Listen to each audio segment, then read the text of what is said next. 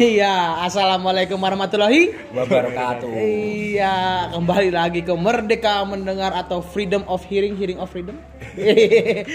Kali ini kita akan ngobrol-ngobrol santai malam-malam di gelanggang di, di gelanggang coy ini di kantin gelanggang iya malam-malam Bersama dengan saya Angga dari Visipol UGM 18 dan teman saya.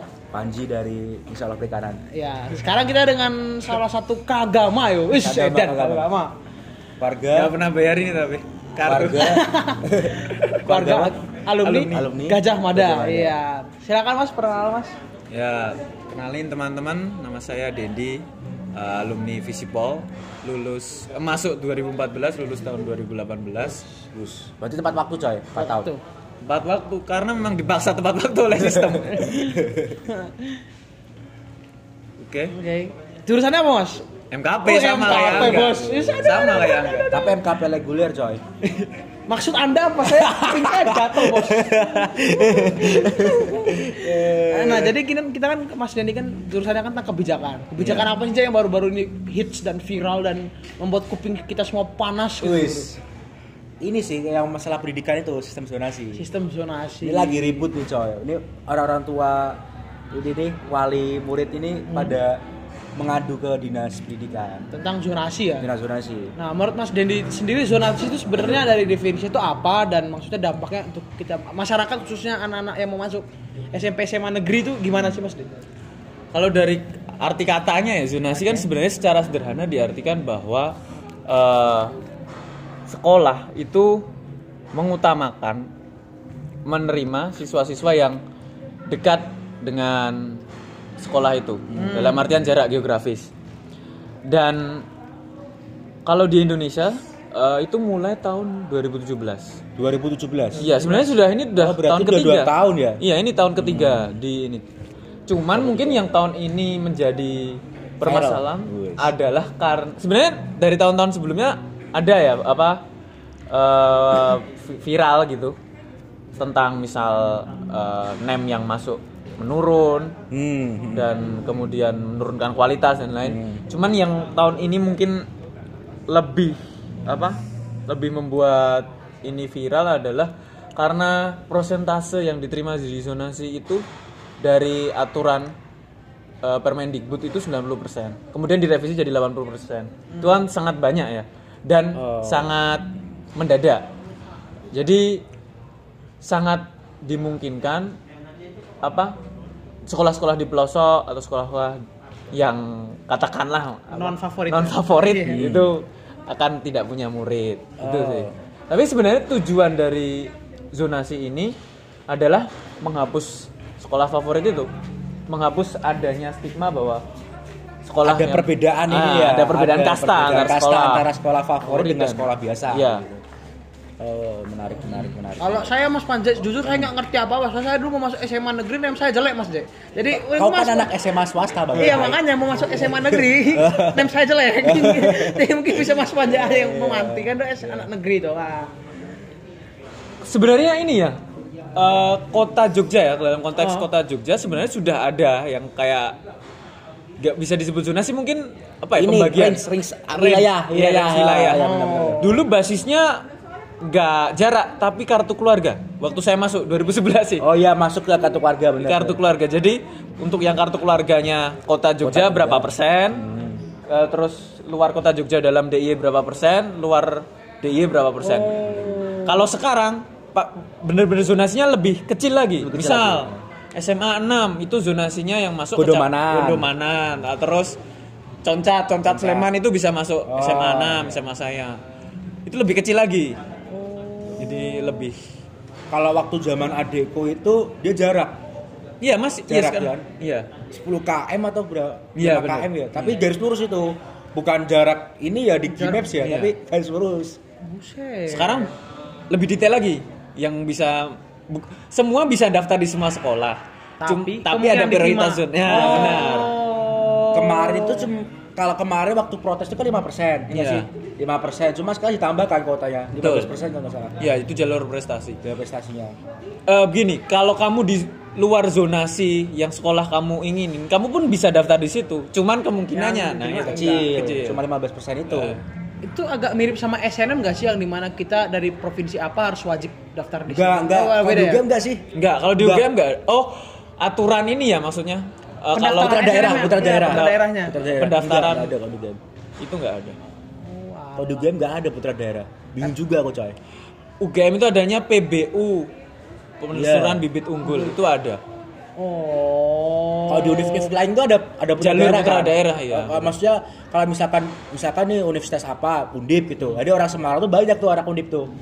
Cuma kalau di UGM ini Di UGM mungkin dari saya dulu ya waktu 2014 SNMPTN kan saya SNM. Wih gila. sama-sama. Itu memang banyak sekolah di DIY yang diterima. Nah, tapi nggak secara eksplisit disebutkan Iya. ada jalur putra daerah emang nggak ada. Gak ada. Nggak Cuman ada. memang agak sedikit lebih di Iya, kelihatan. banyak-banyak, Iya. iya. Mungkin karena ini ya, ini juga kaitannya dengan zonasi. Kalau zonasi ini tujuannya menghapus sekolah favorit, berarti jalur undangan juga harus dihapus. Nah, iya bener setuju. Karena Bener. jalur undangan ada bobot-bobotan itu Iya, kan. iya, iya. dan ya sekolah akreditasi A boleh daftar segini, Nah, B itu segini, kan segini, malah segini. justru mm, apa?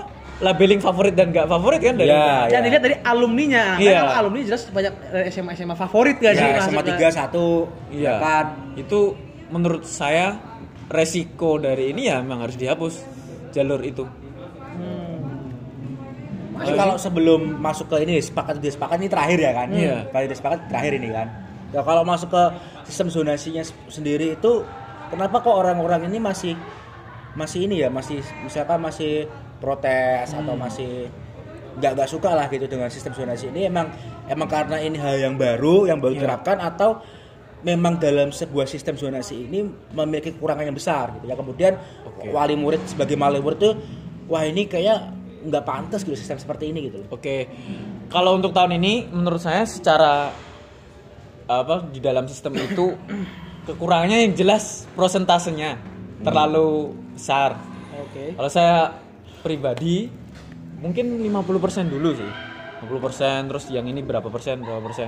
Itu lebih Fair lebih fair, lebih masuk akal dan tu- pemerataan itu menurut saya nggak bisa langsung merata juga dia Gradual harus berarti. bertahap gradual iya benar kemudian selain itu kalau secara sosiologis menurut saya memang masyarakat masih melihat gengsi Iya. untuk daftar sekolah ini. Ini masih menganggap bahwa ada sekolah yang favorit dan ada yang tidak sekolah dan tidak favorit.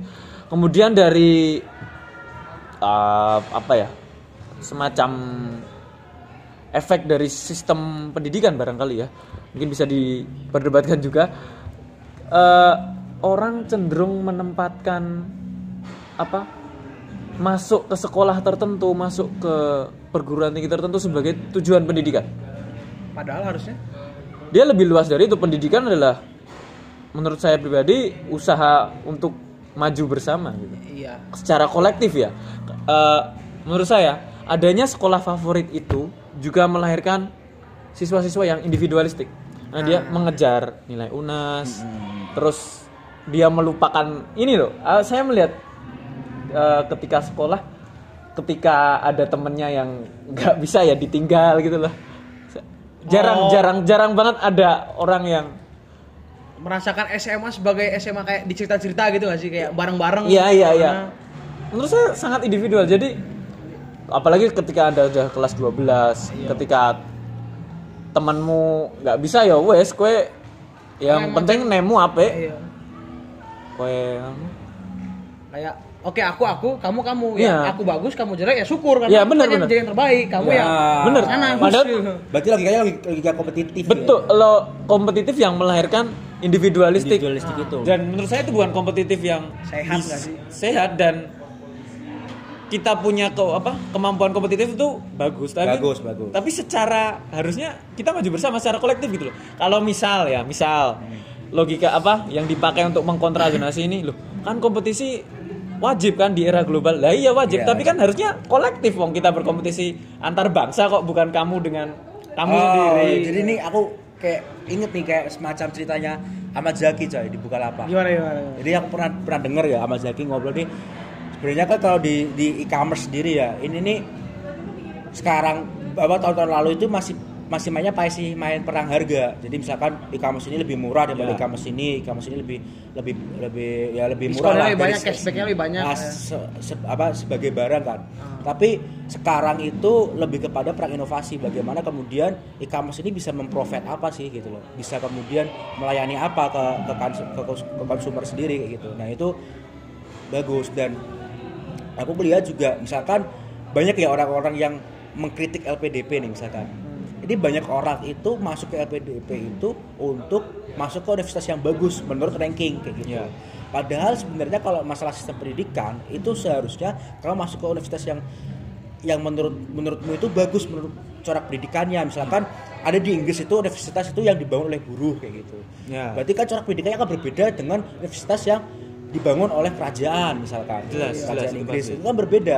Nah, seharusnya orang-orang itu punya punya apa ya punya pilihan tentang hal itu. Misalkan kamu ini mau masuk mana sih? gitu. Dan tujuanmu itu satu ngapain? gitu. Mau buat mau memajukan peradaban atau hanya sebatas gengsi aja aku masuk universitas bagus nih gitu. Bener. Ranking menyederhanakan banyak hal sih. Iya. Ini satu bentuk rezim apa ya governmentality kalau bahasanya Foucault untuk mengatur menormalisasi kehidupan instrumennya salah satunya ranking statistik data. Emang seperti itu? Hmm. wadaw ini berat sekali kemarin waktu lebaran coy. Kan Gimana, gimana? budeku nih budeku protes protes coy masalah sistem zonasi jadi dia itu punya teman kan. Punya teman anaknya itu pinter. Anaknya pinter emang. Dia namanya 38 apa berapa gitu. Nah itu harusnya bisa masuk SMA 3 Jogja kan. Dan tapi dia rumahnya ini jauh dari SMA 3 Ya. nah protes nih ibunya sampai ke dinas pendidikan kayak gitu. Terus akhirnya anaknya masuknya The Brito. Ya jadi ya aku nggak tahu juga maksudnya secara paradigma orang-orang sekarang ini masih masih kayak gitu gitu loh. Belum belum bisa mengu, apa ya mengubah paradigmanya tuh kemudian Semua sekolah semua sekolah itu sama sama aja, aja. gitu loh. Ya walaupun memang memang kalau sistem zonasi ini bisa diterapkan itu lebih cocok kepada kota-kota yang punya SMA yang bagus lah Betul. gitu yang masih yang fasilitasnya tuh Merata. merata, kayak gitu cuma kalau yang di luar-luar daerah itu kan masih, belum merata kan iya. Belum terasa bagusnya ya, juga sih? kasihan juga sih misalkan dari desa dia pintar kayak gitu dia masuk mau masuk SMA yang bagus di kotanya kayak gitu dan itu juga bisa membantu desa juga nggak sih kalau misalnya dimasuk kayak SMA bagus dan akhirnya kuliah juga tempat Nah, bagus tapi kan indikator bagus atau tidaknya ini juga kita bias kan, Iya. gitu kan. Ah, iya juga. Bagusnya ini dari mana? Dari orangnya yang ngomong bagus atau emang inputnya bagus, outputnya juga Akreditasi, bagus, bisa dilihat. atau hanya atau prosesnya yang bagus. Kalau prosesnya bagus, is oke. Cuma kalau hanya sebatas inputnya bagus, ya pasti outputnya juga bagus, Bagus. kayak gitu loh. Karena ya Sekolah yang- udah pinter coy. semua sekolah favorit tuh inputnya bagus Inputnya jadi bagus. sangat wajar outputnya bagus iya. Iya. Karena udah pinter dari sononya gitu loh. menurut saya sekolah yang bagus ya menurut saya itu yang dia bisa membuat input biasa-biasa jadi Wah, bagus. bagus. Nah, itu jadi bagus itu sekolah kan. bagus banget itu Berarti kan yang Heeh. disasar adalah prosesnya. Bagaimana proses belajar mengajar di sananya. Harusnya seperti itu. wah Cuma ada emang banyak sih yang masih main gengsi gitu. Kalau nggak masuk SMA 3, oh nggak nggak asik nih. iya gitu. benar gengsi Gengsi. itu sih kalau terakhir nih Mas Den ya oh, mungkin ada statement apa gitu dari Mas Den untuk soal zonasi ini Oh, iya, pemukul saya- pamukasnya saya pribadi mendukung Hmm. Mendukung. karena memang menurut saya itu bagian dari pemerataan pendidikan kan kalau di undang-undang dasar ini ya mencerdaskan kehidupan bangsa bukan mencerdaskan kehidupan sebagian bangsa ya. Oke. ini memang harus merata. Tapi memang secara teknis harus diperhatikan eh, soal persenan itu tadi. Dan kemudian harus kita pegang juga bahwa zonasi itu bukan panacea dia bukan obat segala penyakit di bidang pendidikan. Ya. bullying tidak bisa diselesaikan dengan zonasi. Tawuran tidak bisa diselesaikan dengan zonasi Eh, kemudian Kawanmu tuh Jek. Tapi juga aja kayak misalkan SMA 3 nih kan. SMA 3 ini kan zona zonanya ini rada-rada lumayan kacau nih. Karena banyak banyak yang cover rural rural inilah, rural Iya. areanya Jogja lah. Misalkan Kali Codi. Gitu-gitu kan. iya Wah, orang-orangnya kan tahu sendiri kayak gimana Iya. kan. proses pengajaran yang hanya mengajarkan menjawab soal, tidak mengajarkan kita bertanya, menurutku juga bisa diselesaikan dengan zonasi juga. Jadi dia harus dipahami sebagai pintu masuk untuk menyelesaikan masalah-masalah selanjutnya. Berarti harus ada kayak semacam rencana selanjutnya kan? Harus, pasti? harus, harus. harus diikuti dengan dengan kebijakan itu. Iya. Kalau hanya sebatas zonasi terus kemudian ya udah gitu ya sama, Sama aja, sama aja, kan sama aja. Saya yakin, saya yakin. Itu sih. Oke, mantap sekali. Malam. Terus ada lagi gak nih apa obrolan-obrolan lagi nih masalah sistem zonasi? Kira-kira yang mau disampaikan ke teman-teman? Menurut saya persepsi tentang adanya sekolah favorit adalah penemuan sosial terburuk di Indonesia setelah Orde Baru. Aduh. Lama deh, gara-gara nggak masuk ke SMA 6, eh masuk ke SMA 3, Oh, masuk ke SMA enggak. 6 atau gimana? Terus saya dampaknya Cukup ini ya, ya, signifikan ya? signifikan dan apa ya? Banyak orang yang kemudian karena tidak masuk di sekolah tertentu semangat belajarnya menurun. Padahal untuk konteks daerah-daerah yang pendidikannya sudah bagus menurut saya sudah merata. Dan harusnya semua harusnya ada satu apa ya? Satu pemikiran bahwa sekolah di mana pun dengan asal semangat belajar kita Tinggi. tinggi dan merata ya harus merata ya ini. Pengajarannya bagus ya outputnya pun bagus. Menurut saya seperti itu. Ya kayak semacam mengikis privilege sekolah-sekolah favorit gitu kan? ya misal ya saya punya temen di SMA 1 Pajangan. Apa temen MKP dia udah lulus sekarang udah Pajangan, udah udah S2 Ah, ya, S2, ya. sementara teman-teman saya yang dari SMA Lab eh, SMA SMA SMA kota banyak juga yang belum lulus. Maksudnya setelah masuk di UGM pun kelihatan itu loh bahwa sekolah favorit bukan jaminan Anda kemudian di ketika kuliah juga lancar, ada banyak faktor gitu loh. Bahkan yang dari SMA SMA katakanlah pelosok itu semangat belajarnya sangat tinggi. Ya karena dia nggak dapat privilege itu ya, nggak dimanja Iya, dengan iya, privilege betul, itu betul. mungkin. Dan mungkin mereka masuk masuk UGM tuh kayak wah aku dapat kesempatan masuk Tuh, dari Nah, sini. tuh, Ayo, jangan disia-siakan kayak gitu. Jalurnya Gitu. lebih dia lebih susah, dia lebih berjuang gitu. Nah, itu sih. Oke deh, mantap sekali malam-malam di gelanggang ngobrol-ngobrol bercerita dengan Mas Dendi. Ya mungkin eh Apalagi itu nih yang mau diobrolin lagi coy. apa? Apa? Kira-kira ada lagi gak yang mau Masih diobrolin? mau diobrol lagi? Oke, siap. Gas, gas kita mau gas terus. Apa ya? Apa? Kalau lebih luas lagi bisa, tapi zonasi itu sih. zonasi itu ya. Oke, oke, oke, oke. Berarti dari Mas Dendi sendiri ini sepakat dengan sistem zonasi. Saya Sepakat, sepakat, saya sepakat. Kalau teman-teman Kalau saya karena melihat di Jakarta ya, karena saya SMA di Jakarta ya. Mungkin zonasi itu sebenarnya bagus untuk pada akhirnya ya menghapus stigma sekolah favorit itu sendiri karena pada dasarnya semua sekolah itu ya berkata Mas Dini tadi kan cuman ya kembali lagi kita harus kembali merapikan sistem di sekolah-sekolah yang lain-lainnya lagi betul. karena Iya. karena kayak satu sekolah ini udah siap udah maksudnya udah bagus udah terstruktur udah networkingnya dengan alumni udah bagus jadi ya udah si- mereka udah udah settle gitu loh. Iya. apakah sekolah-sekolah yang lain juga settle? Kan kita juga nggak tahu gitu loh. Mungkin Ya kan mungkin ada yang sekolah lain punya lab bahasa, sekolah lain nggak punya lab bahasa. mungkin lah bahasanya earphone yang rusak-rusak atau Ah, gimana? ada yang punya lab komputer, ada yang komputernya Masih ada XP. yang komputernya Windows XP. masih Windows XP kan. ada sekolah yang punya gym Nah. ada sekolah yang enggak gitu Memang kan. merencanakan pendidikan ya, apalagi pendidikan nasional itu harus terstruktur, sistematis dan masif. Wah. Ini bahasa lagi populer nih. Sekarang TSM harus, harus. Karena untuk semua kan, Iya. harus kehidupan semua. bangsa Iya, kan. Iya, benar benar. benar benar benar benar TSM yang baik TSM-nya ini dalam konteks yang baik ya. bukan yang- iya TSM itu kata yang netral. netral Netral, sangat netral. Kalau ditarik ke yang lain beda nanti. Berarti gitu ya sistem Iya. zonasi ya. Oke oke. Kalau aku sih sepakat sih. lo kena zonasi nggak Apa dulu sih? Jek? Hah? kena zonasi nggak lu dulu Enggak coy. Belum, belum. Belum belum dapat aku. Hanya sebatas tema aja. Sama kakak. Iya.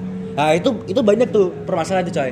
Jadi teman-temanku itu, nah, rumahnya itu Jakal, yang yang notabene itu Kabupaten Sleman, masuk sekolah kota, tapi pakai kakak kota. Nu, Jadi banyak. numpang ke orang lain di itu sudah sejak saya mau masuk SMP udah ada banyak kasus seperti itu. joki-jokian gitu ya Oh bukan. Oh, eh, bukan. Dia menitipkan nama anaknya di temennya atau saudaranya yang Oh. kakaknya kota. Makanya aku masuk sama 11 gara-gara itu coy. oh lu oh Iya. Dulu kalau SMP kan bagus nemku, cuma kalau SMA nya jelek aku tuh ya.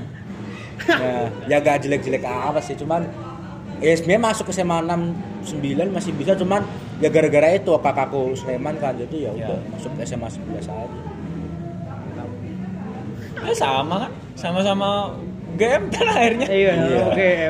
Akhirnya sih mas swasta gitu kan, masuk game. SMA mana sih kau? Penabur, Oh, penabur. Sata. Ya untuk alumni-alumni sekolah saya dengarkan podcast ini ya. Semangat tak tunggu di UGM.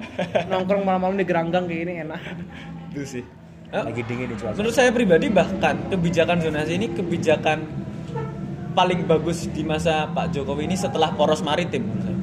Waduh. Ini revolusioner sekali. Kalau poros maritim itu kan gimana nih mengubah paradigma yang kita selama ini mengelola negara dari daratan ke- Tanah. kembali ke lautan ya. Indonesia kan negeri lautan yang kita beri pulau-pulau sebenarnya, bukan negeri kontinental. Yang kemudian kalau zonasi ini membalikan pandangan bahwa pendidikan itu tujuannya bukan untuk menang-menangan, dia untuk maju bersama bener bener usaha bersama itu sangat revolusioner dalam artian ini eh, paradigma pandangan itu ya menurut saya itu dua itu jauh dampaknya jauh lebih akan dirasakan jangka panjang mohon maaf daripada infrastruktur. Karena infrastruktur itu menurut saya kewajiban. Ya. Siapa pun iya. presidennya Ya, dia harus bangun itu bener bener bener kalau ini paradigmatik yang sifatnya soft tidak fisik. Pembangunan SDM lah. Iya, Nah, bener, lebih ke bener. pembangunan SDM itu sih. Mungkin saya nggak tahu kenapa pendukung Pak Jokowi jarang membahas yang seperti ini malah yang fisiknya ya. Menurut saya Oh, ini kau kan cebong aja. Kau juga cebong, Jay. ini ini jauh lebih jauh pencapaian yang jauh lebih apa ya lebih menurut saya dampaknya akan ke manusia-manusia Indonesia ya Iya. lebih lebih luas lebih luas lebih bermanfaat di masa depan Berarti ini bakal kerasa tiga tahun setelah ini kan? Betul. Iya nggak sih? Betul. Jadi ketika dia mau masuk univ PTN kan? Nah, makanya ini gimana ini gitu kan? Apakah paradigma universitas ini juga berubah atau ya nah itu sama aja? menurut saya memang Kan sempat Harusnya juga kalau itu Pak Presiden rencananya ingin membatasi kursi PTN kalau nggak salah per univ men- hanya menerima 3.500 orang. aku belum denger itu Belum tahu tuh. Sebentar kita lihat aja ntar kalau aku nggak salah itu beberapa tahun lalu itu kursi PTN itu mau dibatasin agar universitas swasta lainnya ah juga maksudnya nggak kalah saing dengan PTN-nya gitu loh. Cuman nggak dilaksa- belum dilaksanakan atau nggak dilaksanakan atau gimana saya lupa. Atau gara-gara PTN-nya di daerah nggak nggak dapat Mungkin- juga mungkin. Iya, bisa jadi. Ada pindah ke ke, ke, ke Jawa semua. Jawa. emang Masuk kau. Memang escape. Dari Karo kau. Kenapa nggak masuk USU? Hah? Ayo. Nah kan saya emang kelahiran besar di Jakarta. Kalau itu daerah saya, cuma saya kebetulan lahir di Jakarta gitu. itu kan. harus ada sinkronisasi antara Kemendikbud dan Kemenristek Dikti. Hmm. Kita harus ingat sekarang terpisah Iya, lembagaannya. Iya, Domainnya benar. beda ya. Iya. Ya udah. Mungkin mungkin gimana Gitu aja? Oke. Itu aja deh. Oke. Oke, mantap sekali. Ada terakhir lagi nih? Enggak, enggak udah. Nggak Ada nih. Apa ya? Atau apa gimana? Kalau zonasi ya Ini terakhir banget nih, terakhir, Terakhir banget nih. Udah. Udah. apa Ada- ya? Ya kita juga harus ingat ini sih. Pendidikan bukan hanya tanggung jawab sekolah. Dia juga tripusat kan kalau kata Ki Hajar. Keluarga, sekolah, Trisati? masyarakat. Iya. Zonasi ini sebenarnya bisa mewujudkan itu karena dengan sekolah di dekat keluarga dan di dekat masyarakat Iya. ada sinergitas. Values-nya nggak hilang nggak sih? Tuh. Kemudian ini juga ya menghapus iklim kompetitif yang individualistik itu menurut saya sangat Pancasilais. Karena Gimana? inti Pancasila kan gotong royong. Yo, royong. bro, bener. kan inti Pancasila itu gotong Nah. royong.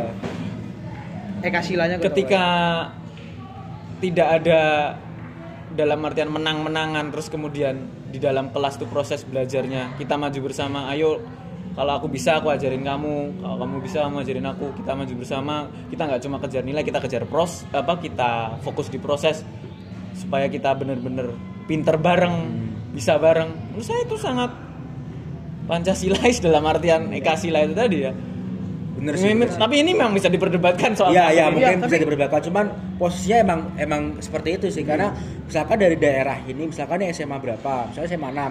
Dari daerah sebelah SMA 6 ini ada yang pinter nih, tapi ada yang ada yang Kurang, kurang belum. pinter juga gitu. Tapi bisa nanti sampai di SMA ini bisa diimbangi gitu. dengan cara social learning atau teman sebaya itu kan lebih Hmm, lebih peer ini kan, kalau lebih peer group gitu kan Eh. menurut saya sangat gotong royong ya itu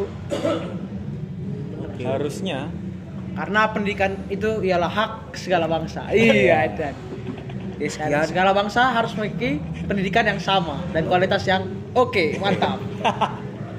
oke, mungkin sekian chat dengan senior saya. Iya, dan senior saya, Bos. Kagama kagama. Iya, siapa kita FKP. Iya.